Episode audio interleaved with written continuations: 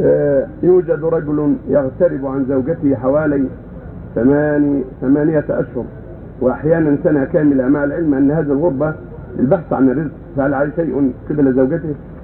لا حرج عليه. إذا اقترب بطلب الرزق أو في طلب العلم وجعل عند زوجته ما يكفيها أو وكل من محارمها وأهلها من يقوم عليها.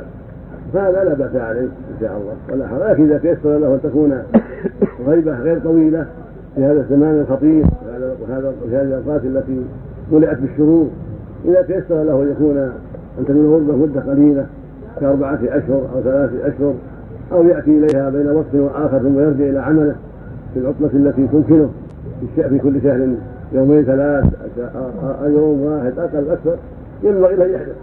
حتى لا يكون على المرأة شيء من هذه الغربة خطر من هذه الغربة. في هذه الأوقات الخطيرة التي كثر فيها دعاة الشر ودعاة الفساد إذا استطاع فليعمل.